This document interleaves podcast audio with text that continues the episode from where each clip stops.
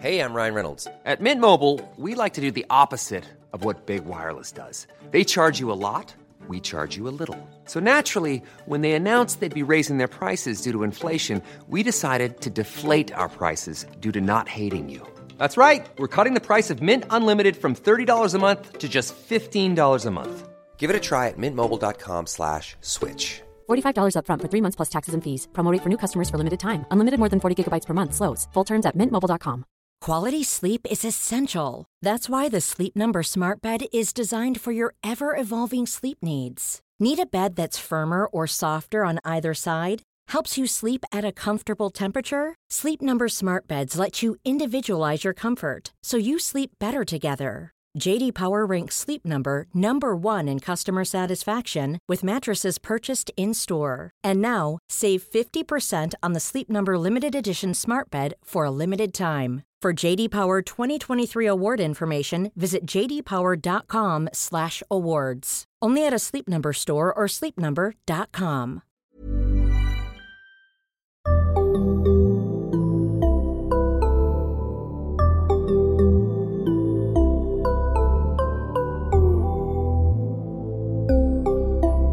Barnpsykologerna. Hej och välkomna till Barnpsykologerna, en podd med Liv Syrski och Lars Klintvall. Hej Liv! Hej Lars. Eh, och vi ska, dagens avsnitt är lite specialare för vi ska samla ihop lyssnarfrågor som vi har fått instudsandes på mejlen över längre tid egentligen. Mm. Egentligen om- instudsandes på vår Instagram. Ja, förlåt, inte mejlet. Så då tänker vi väl att vi ska bara eh, gå igenom några stycken som vi tänker kan vara intressanta generellt. Mm. Eh, och se om vi kan komma på några svar ihop. Yes. Eh, har vi, vi har ingen särskild ordning va? Vi tar bara de här Ja, lite. Mm. som de ligger. Ehm, Okej, det här är ju en, en klassiker. Som är det här med om man har ett barn som favoriserar en förälder över en annan. Eh, exemplet här är liksom nattning. Och också, men det kan väl lika väl gärna vara att man liksom klänger när man bara vill bli tröstad av en förälder. Eller, ja, det, är väl, det är väl de klassiska. Mm. När man, barnet är ledsen så vill den bara vara med en. Eller, och bara går efter den ena och sånt Mm. där med småbarn. Eh, ja, det där är väl supervanligt. Min dotter gör det där just nu Med dig? också. Hon, nej, tyvärr inte med mig. Mm, så. Det har ju fördelar och nackdelar. Jag får ju sova på natten för att hon vill ju bara väcka eh, min fru. Mm. Eh, men man känner sig inte lika poppis, så det är ju tråkigt. Så jag undrar också vad du tänker. Ja, men jag tänker att det är väldigt vanligt och att det brukar gå i perioder. Nu motsäger du lite min tes för att ofta så är det ju den Nej, det gör det inte. Nej. Ofta så är det ju den förälder som barnet är mest med som är mest inne. Alltså det brukar vara till exempel den som är föräldraledig.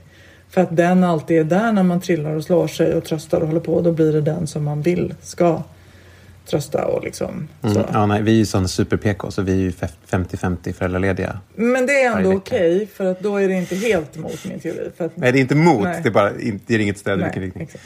Just det. Eh, men sen klart att det kan ju också vara den man sak, alltså den som är borta mycket. Att när den kommer hem så blir den så här. Det kan ju framförallt när den är lite äldre barn att det blir lite så här. Wow, nu är den hemma, nu vill jag bara vara med den. Och så känner den andra föräldrar som alltid är där.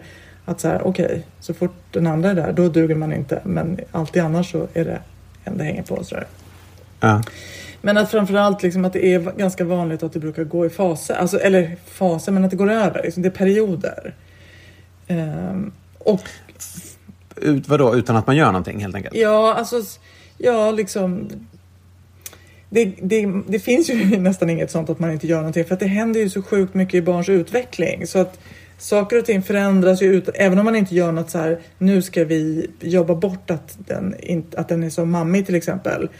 Men det kommer ju ändå hända saker. Att barnet börjar i någon slags dagis eller någonting eller den ena föräldern är borta lite mer eller barnet blir lite större. Eller, alltså, så att det händer ju så mycket så att det kommer ändå förändras. Liksom. Man kanske inte behöver aktivt tänka att nu måste barnet och den föräldern som, den, som just nu inte är inne bonda på något speciellt sätt eller så. Utan, Jag tänker att jag måste bli roligare. Att jag måste bara göra ännu mera knasiga lekar och kasta i luften och sånt där. Men det, det tycker jag att det är onödigt alltså. eh, jag tänker att du gärna kan göra det för att det är kul. Eh, Men jag tycker att det också är så här, det kanske är precis det där det handlar om. Att den förälder som just inte är så inne tycker att det är rätt jobbigt och börjar fundera över vad betyder det här? Vad står det för? Gör jag något dåligt? Ska jag göra något liksom? Och att det kanske är liksom värre i förälderns värld, att i barnens värld är det inte liksom, det betyder inte att du inte är lika viktig som eh, din fru. Men just på natten när man vaknar och sådär så är det kanske hon är gosig. Liksom. Mm. Men är det alltid så här att det bara är så här, det är inget att bry sig om, det kommer gå över? Eller tänker du att det finns situationer när det är på allvar. någonting som man i alla fall vill utesluta? Typ? Förstår du vad jag menar? Ja, men jag, jag tänker liksom om det håller i sig väldigt länge, om, det, om man upplever att barnet kanske nästan visar någon slags rädsla för den ena föräldern eller verkligen sådär. Ty, eller liksom kanske såhär, om du bara en är med, då biter jag ihop och börjar inte gråta eller tröstar mig själv jättefort eller någonting för att liksom, alltså då kan man ju misstänka att den relationen är faktiskt inte så bra liksom. Att barnet är inte tryggt med den föräldern. Men om det är som jag tror att det är i ditt fall, att när det är du, då har ni jättemysigt ihop. Men när din fru också, när, det, när hon finns att välja på, då är hon lite mer poppis. Men, liksom, men hade det varit som att här, när du och din dotter är själva, då har ni det inte bra. Då hade man ju blivit lite orolig. Liksom. Men när man Ja, så ser att men när, när, det, när du är den som finns där, då vill hon bli tröstad av dig och gosa med dig och kramas med dig och vara med dig och liksom. Så att er relation är stark. Men just nu är det lite konkurrens om när, liksom, när mamma är med också. Ja, exakt. Jag, jag, det här är inte något, något professionellt, men jag pratade med en kompis som sa att ehm, hans relation med hans föräldrar hade liksom switchat. Att hans mamma hade varit en väldigt bra småbarnsförälder, medan när han kom upp i tonåren så var hans pappa en mycket... De klickade väl bättre, liksom. Om man verkligen tänker den tidsskalan, liksom, att det kan vara år av att en förälder funkar mer än den andra och sen kan man switcha. Ja, och då tänker jag att då är det väl kanske också så att de faktiskt är ganska olika och då kan man ju börja fundera. Liksom, borde jag också försöka engagera mig mer i mitt barns värld eller borde jag liksom, det beror ju på vad, det, vad den föräldern gör. Man kan ju tänka sig att om man är en bra småbarnsförälder då kanske man är ganska kanske man är lekfull till exempel och är med barnet. Och är man en bra tonårsförälder så kanske man är lite lagom cool, vågar liksom få en ganska schysst liksom ett schysst snack och så. Och det kan man Ja, vadå, är så här lagom tillåtande och inte lägger sig i? Ja, exakt. Lägger, Alltså- sig till, lägger sig lagom? Eller vad Ja, precis. Liksom, är, är sträng där det behövs men inte bara för sakens skull. Eller liksom, sådär. Så då kan man ju faktiskt kanske titta på, liksom, vänta, jag kanske behöver lära mig någonting av den andra föräldern för det där verkar ändå rätt rimligt. Liksom. Så. Sen, kan man, sen finns det ju föräldrar till exempel där det, om, också om det håller i länge och om det blir väldigt bökigt liksom att så här, men den enda som får lägga är den ena föräldern och den pallar Den enda som får lämna på skolan, sådana där grejer. Ja. Då kan man ju liksom ändå kanske bestämma att så här, men nu måste vi se till att det blir varannan för att vi vill ha det så. Och att man faktiskt är ganska konsekvent på det. Och sen kan ju också då den förälder som är inne, liksom, den som är lite mer poppis, kan ju också säga liksom att nu ska du få gå och lägga dig med pappa ikväll. Det blir ju supermysigt. Och liksom, alltså att man så här, lite försöker uppa den andra liksom, och är generös med det. För det händer ju faktiskt att en del föräldrar tycker att det är väldigt trevligt att vara den som är inne och känner sig lite så här, ja men nu är jag lite bättre och jag är ändå en bättre förälder än mer liksom. Ja, Det är klart att det är. Att Det verkar jättehärligt. Ja, men exakt, men att man kanske också så här får lika väl som man ska genomskåda att så här, jag är inte dålig eller det är inte något problem i vår relation för att jag just nu inte är inne så kanske man liksom får tänk, komma ihåg det när man är inne att så här, det kanske inte betyder att jag är en överlägsen förälder utan vi är kanske två Mm. schyssta föräldrar och jag får försöka liksom, vi, vi får jobba med det här gemensamt. Men som du sa där, det kan ju vara konkret. Att man behöver faktiskt vara lite så här, sätta lite regler. Så här. Det är varannan dag på lämning på förskolan. Ja, precis. Och inte låta barnet bestämma det, för det går inte praktiskt. Nej. Och, och då kanske man också får lösa det så att liksom, det är inte som att så här, då sitter jag hemma och tittar på Hej då älskling när du går med pappa, det kommer gå bra, oj vi, ska vi kramas lite till? Utan man kanske då så här, de dagarna som jag inte lämnar, då går jag lite tidigare så att man gör det lätt för den förälder som är liksom inte är inne just nu att få till. Och samma sak med lämning, att man kanske inte säger, men om det inte går bra med när, du, när pappa lägger dig, då kommer jag. Då kan man ju Nej, liksom, utan att man säger, nu går du och lägger, jag går ut och springer eller jag ska, nu ska jag tömma tvätten. Liksom, så att jag Mm, är inte bra. tillgänglig just nu. Utan, Man smyger inte runt i, liksom, i skuggorna bredvid så att man alltid kan bli inropad. Exakt, för då Mm. kommer man nog att kanske också skapa andra problem än bara det där. Just det. Nej, men man har in, sabbat för sin partner Precis. att göra det. Liksom. Ja, men bra. Det var konkret och bra. Vad bra. Vill du ha en till? Ja. Eller vill du ha en Det här- först? Eh, ja, okej. För här är en som jag tycker du får Ja, är det, kör vi så? Kör vi så Ja, varannan? vi gör Okej, det. Det blir roligt. Okej, bra. Eh, vad gör man eh, med barn som eh, vägrar att sluta ropa när de har gått och lagt sig? Alltså som rop. Eh. Jag antar att det, jag, jag tolkar den som så här. Jag är törstig, jag måste kissa, kom det kliar. Mm. Ja, bra. det här borde jag i och för det här är ett sömnproblem. Precis, för det här finns det ju ett, det här är ju som ett trick. Jag lärde mig det här av en, av en gubbe i Norge. Det låter som att det var uppe på ett fjäll, typ. Eh, när jag, när jag Du var på tur och så kom en gubbe och bara, du förresten. Ett trick om ditt barn inte slutar tjata om att, den vill, att mamma ska komma in till sovrummet. Nej, men då har man såna här um, frikort. Man gör en deal med barnet som är så här. Um, här man gör fysiskt. Det här är tre stycken typ eh, biljetter. Eller man kan göra dem lite fancy som är så här. Varje gång du ropar, då eh, lovar jag att komma. Jag lovar att komma när du ropar. Och då eh, kostar det liksom en sån här, eh, ett sånt här frikort. Så du har liksom tre, istället för som det brukar vara, att man liksom tjatar och så kommer mamma eller pappa typ var femte gång. Man måste tjata jättelänge och sen kommer de. Så får man liksom en trygghet. Dealen är, vi kommer komma tre gånger. Men det är tre gånger, that's it. Eh, och så förklarar man det här för barnet och man kan gärna haka på något belöningssystem också. Att man bara visar så här, var, när det har gått bra utan konflikter, då har vi en guldstjärna. Och ni vet, sån här klassiker. Tio guldstjärnor blir, guldstjärnor blir en jump yard-besök. Något sånt där. Bara för att introducera det. Det brukar inte behöva sen. Men utan poängen är att barnet liksom märker ganska fort att tryggheten är att jag vet att om det faktiskt är något så kommer de komma direkt. Gör att man inte ens använder de där biljetterna. Man kanske använder, i början brukar de använda två eller tre och sen så efter ett tag slutar de använda dem alls eller bara en enda gång. För att man liksom ersätter den här tjat fram och tillbaka-grejen med liksom ett stabil, en stabil överenskommelse. Och då kan man plocka bort systemet helt. För att då har man gjort det så här, ja, men när det faktiskt är något ropar du och då lovar vi att komma. Får man spara biljetter då? Jag ropar Nej. ingenting. Nej, okej. Det får man väl inte? Nej det får man Du- inte. Nej. Nej, det skulle ju ha, det, jag tänker det måste ju underminera hela systemet för då kan man ju sitta sen på en packe på 15 biljetter och bara nu, nu kör Nu vi. ska. Men, men hallå, du som är sovexperten, visst har du har också gjort den här tekniken? Ja. Och faktiskt inte bara på sömn utan också på barn som är oroliga och ställer mycket försäkringsfrågor. För där man liksom också, det frikorten också bidrar med är ju att de gör ju barnet ganska medvetet om att så här, nu ska jag ställa den här frågan eller ropa den här grejen. Liksom. Eh, från att det sker nästan så här, för vissa barn känns det som att det nästan är så här reflexmässigt liksom. Ja, det finns liksom ingen, ingen eh, broms? Nej, och ingen spärr utan bara så här kom. Eh, Men då Just blir det det. plötsligt så här, nej vänta, jag vill inte ropa kom just nu för då har jag bara två biljetter kvar och just nu har jag egentligen ganska skönt i sängen så att jag kan ligga kvar en stund. Så man tränar någon sorts inhibering, någon sån förmåga att prioritera? Just liksom. det. Och med barn med oro då så kan det ju bli liksom den där, vänta det här är nog en orosfråga, det är sådana här frågor jag inte ska ställa.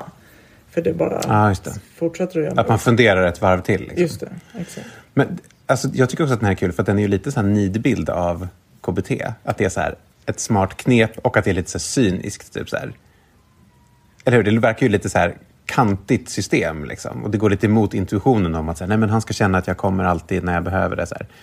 Men att det verkligen, verkligen funkar så otroligt bra. bra. Mm. Och att barnen också är så här, det är jätteskönt för nu vet jag ju att du faktiskt kommer när jag, när jag verkligen behöver Mm. det.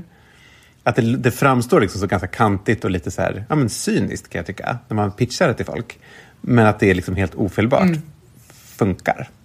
Och att folk blir, barnen blir nöjda med det. det Och tycker jag det är ju verkligen så himla bra. Att precis det, att barnen blir nöjda. Eh, och att de har, liksom, de får ju vara med. Alltså det är inte bara som att så här, du får inte fråga mer och så hej då liksom. Utan så här, du får fråga, du får de här tre. Så man bjuder ju in till någon slags delaktighet. Och vill jag, det där med belöningssystem, jag vet inte om du håller med om att det är en bra grej, men det är ju, är ju bara någon sorts uppstartsfas för att de ska fatta systemet. Så att det inte bara är någonting man säger och sen är det borta, utan bara så att de får lite uppmärksamhet på det. Mm. Jag håller verkligen med. Initialt. Visst har vi ett avsnitt om belöningssystem? Ja, det har vi. Så Gud, ja. vill ni höra oss praise belöningssystem så lyssna på det. Just Det det. är Bra. grymt. Mm. Ja, vad bra, tack för det. Den här är för dig. Mm. Det här med barn, om det är så att ett barn pratar väldigt mycket om och liksom klagar på att den har ont, eller är sjuk antar jag, Mm. när man inte får som man vill. Eller liksom för att undvika jobbiga grejer som man inte vill göra. Tycker det där kan bli jättejobbigt och svårt att veta vad som är vad och vad som är äkta. Och man blir orolig för att nu kommer jag inte veta längre. Om barnet klagar på allt så vet man inte när det kommer klaga när det är på riktigt. Ja, det. Det finns ju anledning att göra någonting åt det där. Hur ska man hantera det? Alltså det första måste ju vara att man ändå själv då försöker göra någon bedömning av är det här på riktigt eller inte. Eh, och det kanske man kan göra liksom utifrån så här, men hur brukar det låta när det är på riktigt? Eh, hur brukar det låta när det inte är på riktigt? Vad är det för grejer? Eh, alltså jag tänker så här om ett barn som fejkar kanske inte har ett... Det kanske inte är så vattentätt liksom. Man kanske säger Åh, jag har jätteont i benet, det går inte att gå på det, kolla nu. Det är, koll, liksom, och, och där man på något sätt säger, men vänta, om du verkligen hade jätteont i benet på det sättet skulle det finnas ett sår eller en blå, ett blåmärke. Alltså något sånt där att liksom, barn kanske inte har den medicinska kunskapen att fejka så att det blir korrekt. Och att det kan hjälpa en att förstå att nej men det där är nog inte det.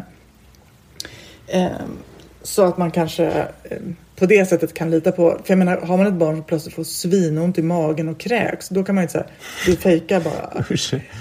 Nej. Utan liksom, så att lite gå på symptomen. Och gå på också så hur man känner sitt barn. Liksom, att det här, det här är, vi har ju gjort den här resan. Vi har ju åkt till akuten eller varit hos doktorn ganska många gånger när det inte var någonting. Och liksom, eh, Men det vanliga är väl inte att man åker till akuten? Det vanliga är väl bara att man skippar aktiviteten. Eller? Ja, precis. Men, och då kan man, men då kanske man också har lärt sig här, okej, tio minuter efter fotbollen började så sprang hon ut och studsade i studsmattan. Så det kanske inte var så farligt med det där benet, att det blir för mycket. Och sen tänker jag, beroende på barnets ålder, men man faktiskt kan prata om det och säga det. Att, ja, fast nu vet inte jag, för att du brukar ju säga så här. Eh, Så nu blir jag väldigt osäker. Kan du hoppa i studsmattan? Li- Liksom. Det, Men vad ska man göra? Säg att man vet, säg att man känner sig trygg i att man vet. Det här är nog... Ja men då tänker jag att man faktiskt säger, men nu åker vi till fotbollen så får du prova. Får vi se hur det går. Eller att man liksom på olika sätt, säger, ja det här är inte sättet att, att eh, slippa saker. För, eller hur? För det man tänker är, analysen nu uppenbarligen, är ju såklart att det här förstärks av att man slipper jobbiga grejer. Ja, precis. Och, men det betyder väl inte ens att barnet själv ens är medvetet om att den gör det? Fast det tänker jag nog att det skulle kunna vara också. Att man är så här, om man har ont slipper man, jag säger att jag har ont. Alltså inom viss ålder, jag tänker alla ungar som har så här, jag har feber, jag har ont i halsen och liksom. Ja, jo, den gjorde jag också. Du ser, hur gammal var du då? 14? Nej Lars, Nej, men sju. tio, tio kanske. Ja, men ja, nu vet vi ju inte hur gammalt det här barnet är i och för sig. Som... Men man är kanske inte fem. Då kanske man inte är medveten Nej, om. då tror jag precis. Då kanske det är svårt. Då tror jag mer att en femåring kanske så här, gör illa sig, men då kör en, gör en ganska stor grej av det liksom. För att så här, Mm. det är mysigt att bli tröstad och liksom så. Nej, men det, min poäng är egentligen bara att det, här, det kanske inte hjälper att, att resonera så mycket om det. Utan om man tänker att det här är något som förstärks av att man slipper jobbiga saker, då kommer man behöva ändra på så att det där inte längre funkar. Exakt. Precis. Det kanske inte är så stor idé att liksom gilta barnet och säga så här. Du gör mig så orolig i onödan. du, du, du." För det kommer inte, om funktionen fortfarande finns där så kommer den ändå fortsätta. Då har man bara gjort det, då har lagt på skuld ovanpå det. Mm. Ja, precis. Och men det- egentligen inte påverkat beteendet. Nej, och det tänker jag att man ska, ska undvika. Men att man liksom kan, kan avslöja lite att så här, vet du vad, jag tror inte att det där gör så jätteont, nu åker vi.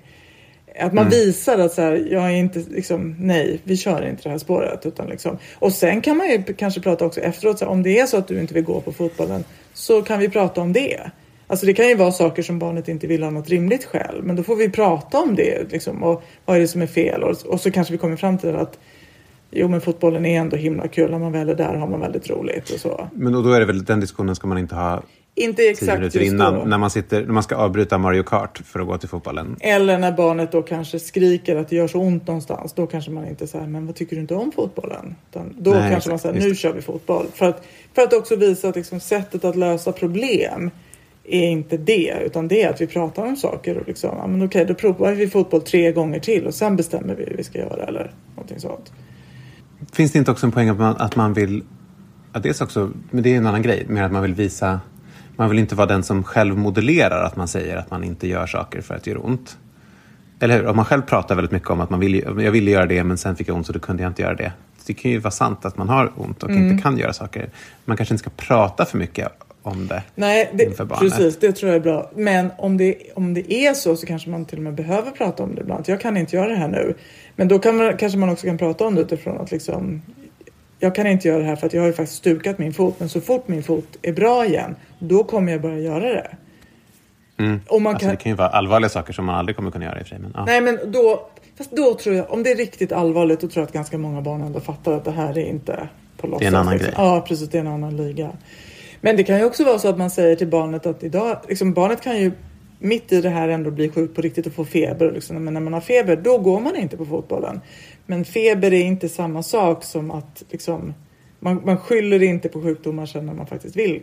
Eller man inte vill gå. Utan liksom, har man feber så stannar man hemma. För det är ju också ett sätt att lära barn. Liksom. Det vill vi att barn ska lära sig. Att är man sjuk ska man inte göra vissa saker. Va? Så, va?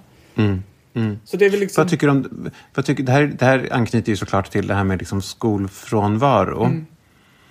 För det är ju lite samma grej ju, att, att barn kan börja använda sånt här för att slippa gå till skolan. Och det här med att ha någon lite så regel på om man inte går till fotbollen eller om man inte går till skolan, då får det inte vara för kul att hemma. stanna hemma. Ja, precis. Så att, att om jag har för ont för att gå till fotbollen så då kan du fortsätta spela Mario Kart. Kanske är en dålig idé. Om man misstänker att det här är Verkligen. Då kanske... någonting som barnet gör. Precis. Nej, då är det kanske liksom, ja men då får du, och det beror ju också på hur gammalt barnet är, men då är det kanske, men då gör du dina läxor nu eller då hjälper du till att tömma disken eller liksom så. Så att så här, alternativet blev inte myspys i soffan med en skål godis utan Mm. det blev ganska trist. Vadå?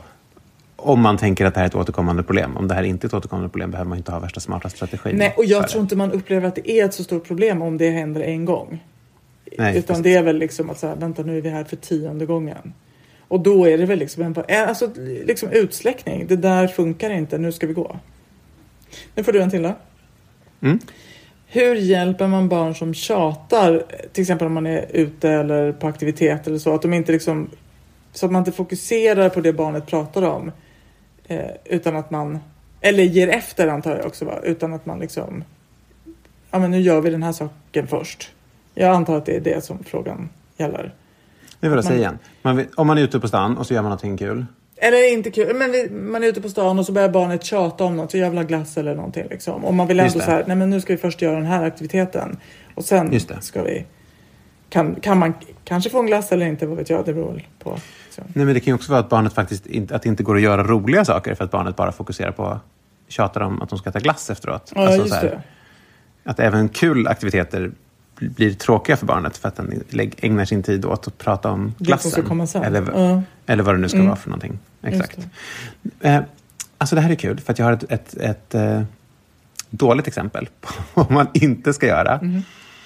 Ehm, som var att, vad, det här var no, ehm, jag hade suttit och pratat såklart, som man alltid gör, om att det är så bra med att belöna saker. Man ska alltid komma på vad är det barnet ska... Hur ska, hur ska du kunna jobba med belöningar? För det är alltid så här, du vet, fem gånger mer kärlek och Martin Forster och man ska tänka eh, uppmärksamhet på bra grejer. Och då var det någon, någon pappa som kom tillbaka och hade kommit på det, det här, det är ju typ en bra idé egentligen. Så här. Om barnet var ute på stan och tjatade och började tjata om glass, då så hade de hittat på ett belöningssystem som var så här. Eh, då sa han så här, okej om du slutar tjata om glass nu, då får du en guldstjärna. Och tio guldstjärnor blir, du vet, En glass. jättestor glass. En glass, exakt. Eh, och det lät ju vettigt, eller hur? Att belöna att inte tjata. Problemet var att det man gör där är ju att man belönar att börja tjata. Så att Så någon säger, sluta. om du slutar nu så får du en guldstjärna. Så om man inte började tjata, då, då blev det, dök det ju aldrig upp några möjligheter att få de där guldstjärnorna. Så indirekt var det ju att man förstärkte att börja tjata. Så tjatandet, jag vet inte om det, vi mätte aldrig det här, men det lät ju som att det mycket väl skulle kunna gå upp av att man gjorde en sån grej. Så vad var ditt råd då? Men det jag borde ha sagt, Ehm, eller det här är väl en, den enkla är ju så här, det enk, uppenbara man kan göra det är ju bara att man tar bort förstärkaren på tjatet. Det vill säga, det kommer aldrig glass när man ber om det. Att man är superbestämd med det.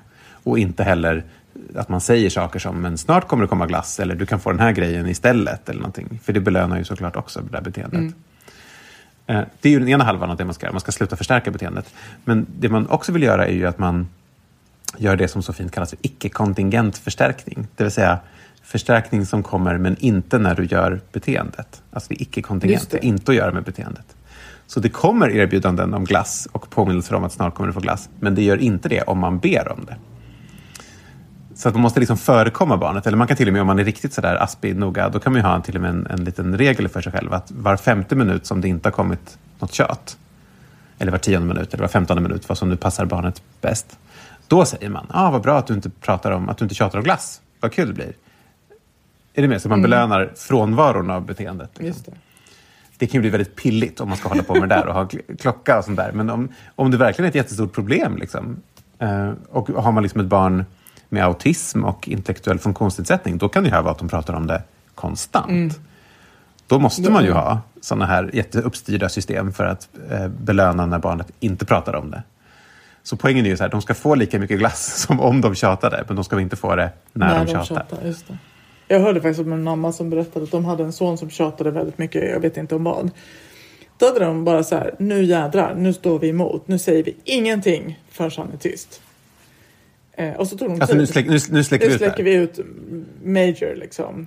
Ja, och då han- fick de en, en utsläckningskrevad. Eh, jag tror det, för de tog tid och det tog typ, ja men det var något så här, tog en kvart eller någonting innan att barnet bara, händer ju ingenting här och tystnade. Men en kvart var ju inte så Nej, farligt. fast det är nog ganska jobbigt när man står och väntar på att ett barn skriker och bråkar om någonting som man bara så här, vi har sagt nej till det här 3000 gånger.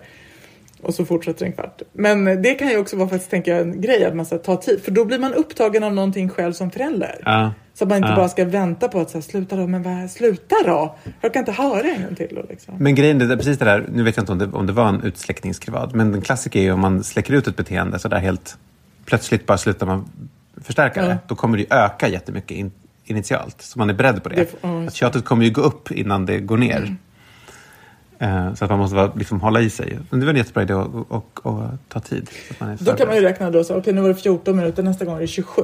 Nu ska vi se. När är vi över den här utsläckningskrevaden? Just det. När, är vi, när börjar vi gå ner mot 14 igen?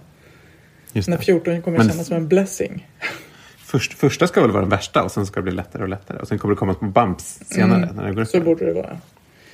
Eh, Men man kan, kan man ändå tänka sig att första och andra är ganska... Alltså om man har tjatat och fått det man vill och första gången, nej okej den här gången gick det inte så kanske man inte säger nej då ska jag aldrig mer tjata utan då kanske man gör det Nej, en. nej, nej. Det är klart att det kommer, det kommer minska gradvis. Eller hur? Ja. Man kan ju inte ge sig så lätt. Nej, precis. Men det är väl också smart att man säger det till barnet, att man är liksom transparent med att vi kommer aldrig äta glass ute Efter på stan. tjat. Nej precis. Eller, ja. Eller efter tjat. Så Från nu är glass bara hemma hos mormor och i köket. Det kommer aldrig förekomma någon annanstans. Så att man bara är liksom, inte helt plötsligt börjar bete sig jättekonstigt. Nej, utan att man det. Mm. förklarar varför. Liksom. Jag tänker också ibland att det är ganska bra som förälder att ändå tänka på att så här, barn gör ju inte det här för att jävlas utan det här är ju faktiskt överlevnadsmekanismer. Liksom beteenden som har funkat och gett utdelning i form av sånt som man upplever som bra. Gör Mm. Du om menar dem. överlevnad är att få glass då? Exakt. Eh, nej men liksom, om, jag, här, om det lönade sig att leta på den här ängen efter blåbär. Ge inte upp bara för att du inte såg blåbär efter 20 sekunder utan hang in där för att det kanske finns blåbär. Liksom, det kanske finns mat här. Om du försöker lite mer, ja. Exakt. Så att liksom, barnet gör ju det den ska. Ehm, det är bara väldigt jobbigt som förälder att stå ut med. Det kan, ja, men också kan vara väldigt jobbigt för barnet ju att man ägnar all sin tid åt någonting som inte är... Det är inget kul att tjata. Nej, liksom. precis. Som inte Det är en tråkig grej att hålla på med. Det blir dålig stämning. Det ligger liksom inte i någons intresse. Nej. Men okej, apropå dåligt intresse, eller vad säger dålig stämning.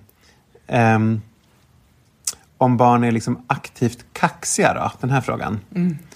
Man har ett barn som är liksom sticker upp och är otrevlig mot sina föräldrar, får man väl anta, mot vuxna.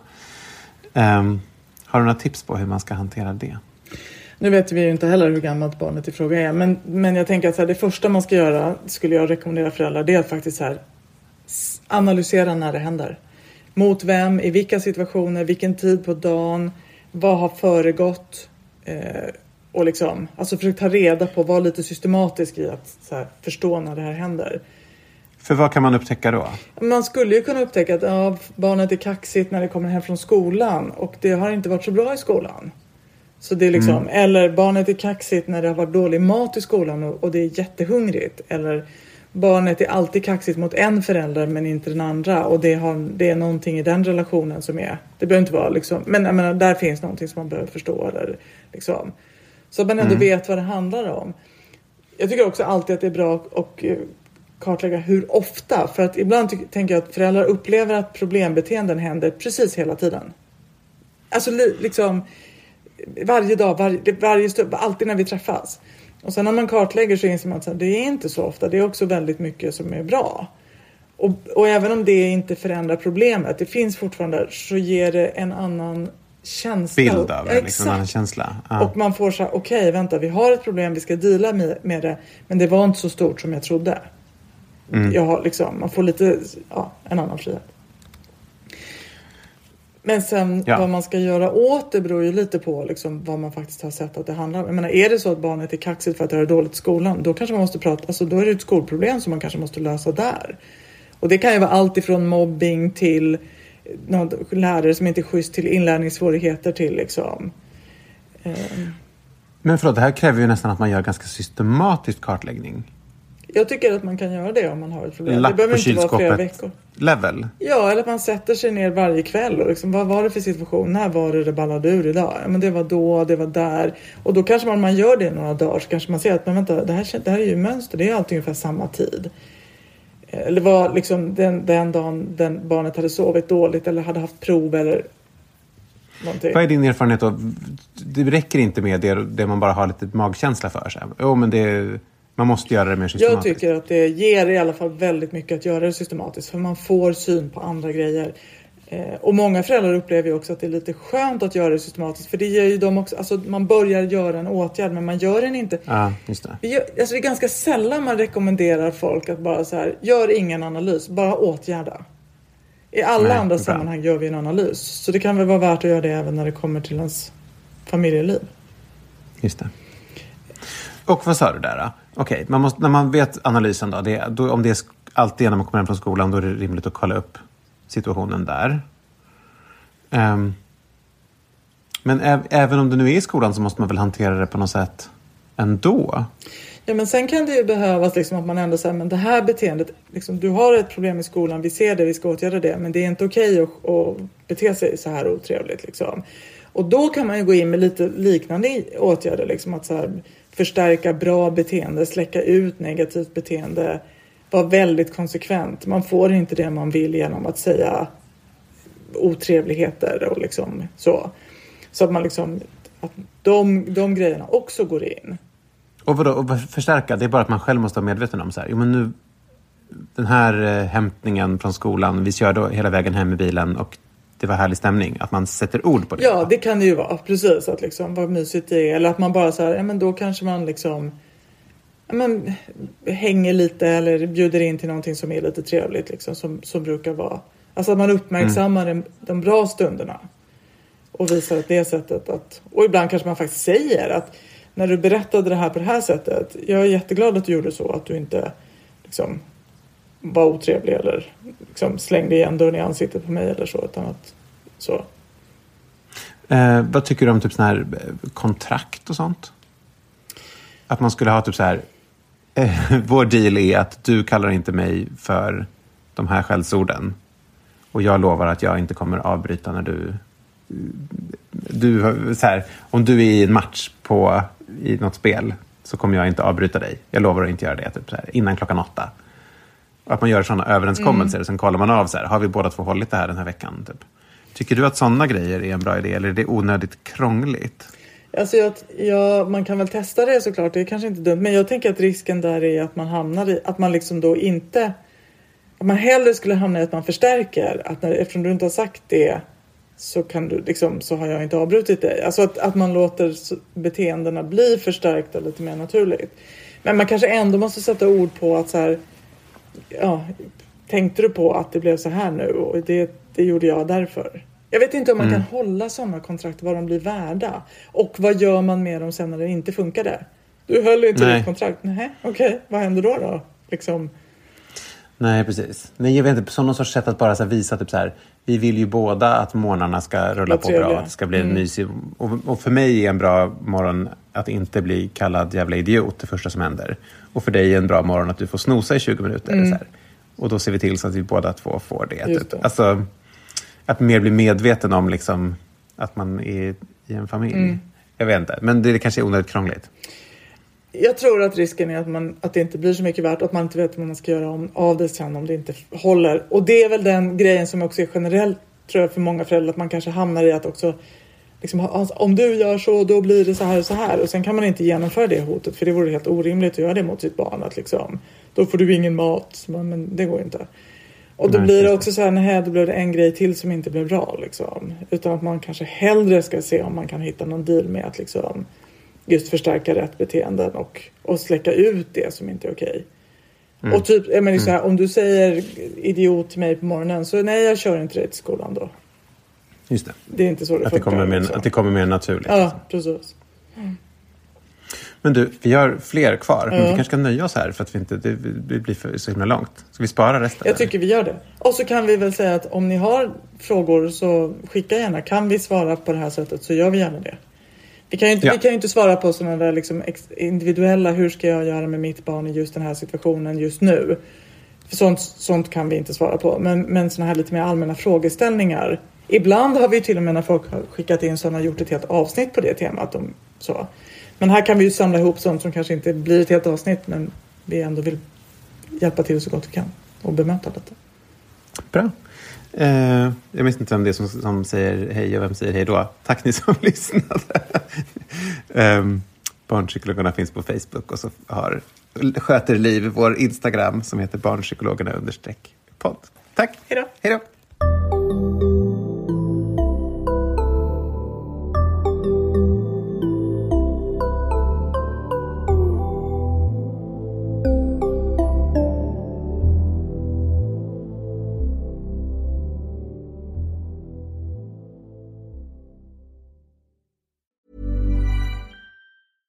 Imagine the softest sheets you've ever felt. Now imagine them getting even softer over time. That's what you'll feel with Bowl and Branch's organic cotton sheets. In a recent customer survey, 96% replied that Bowl and Branch sheets get softer with every wash. Start getting your best night's sleep in these sheets that get softer and softer for years to come. Try their sheets with a 30-night guarantee. Plus, get 15% off your first order at bowlandbranch.com. Code BUTTERY. Exclusions apply. See site for details. Even when we're on a budget, we still deserve nice things. Quince is a place to scoop up stunning high-end goods for 50 to 80% less than similar brands. They have buttery soft cashmere sweaters starting at $50, luxurious Italian leather bags, and so much more. Plus, Quince only works with factories that use safe, ethical, and responsible manufacturing. Get the high-end goods you'll love without the high price tag with Quince. Go to quince.com slash style for free shipping and 365-day returns.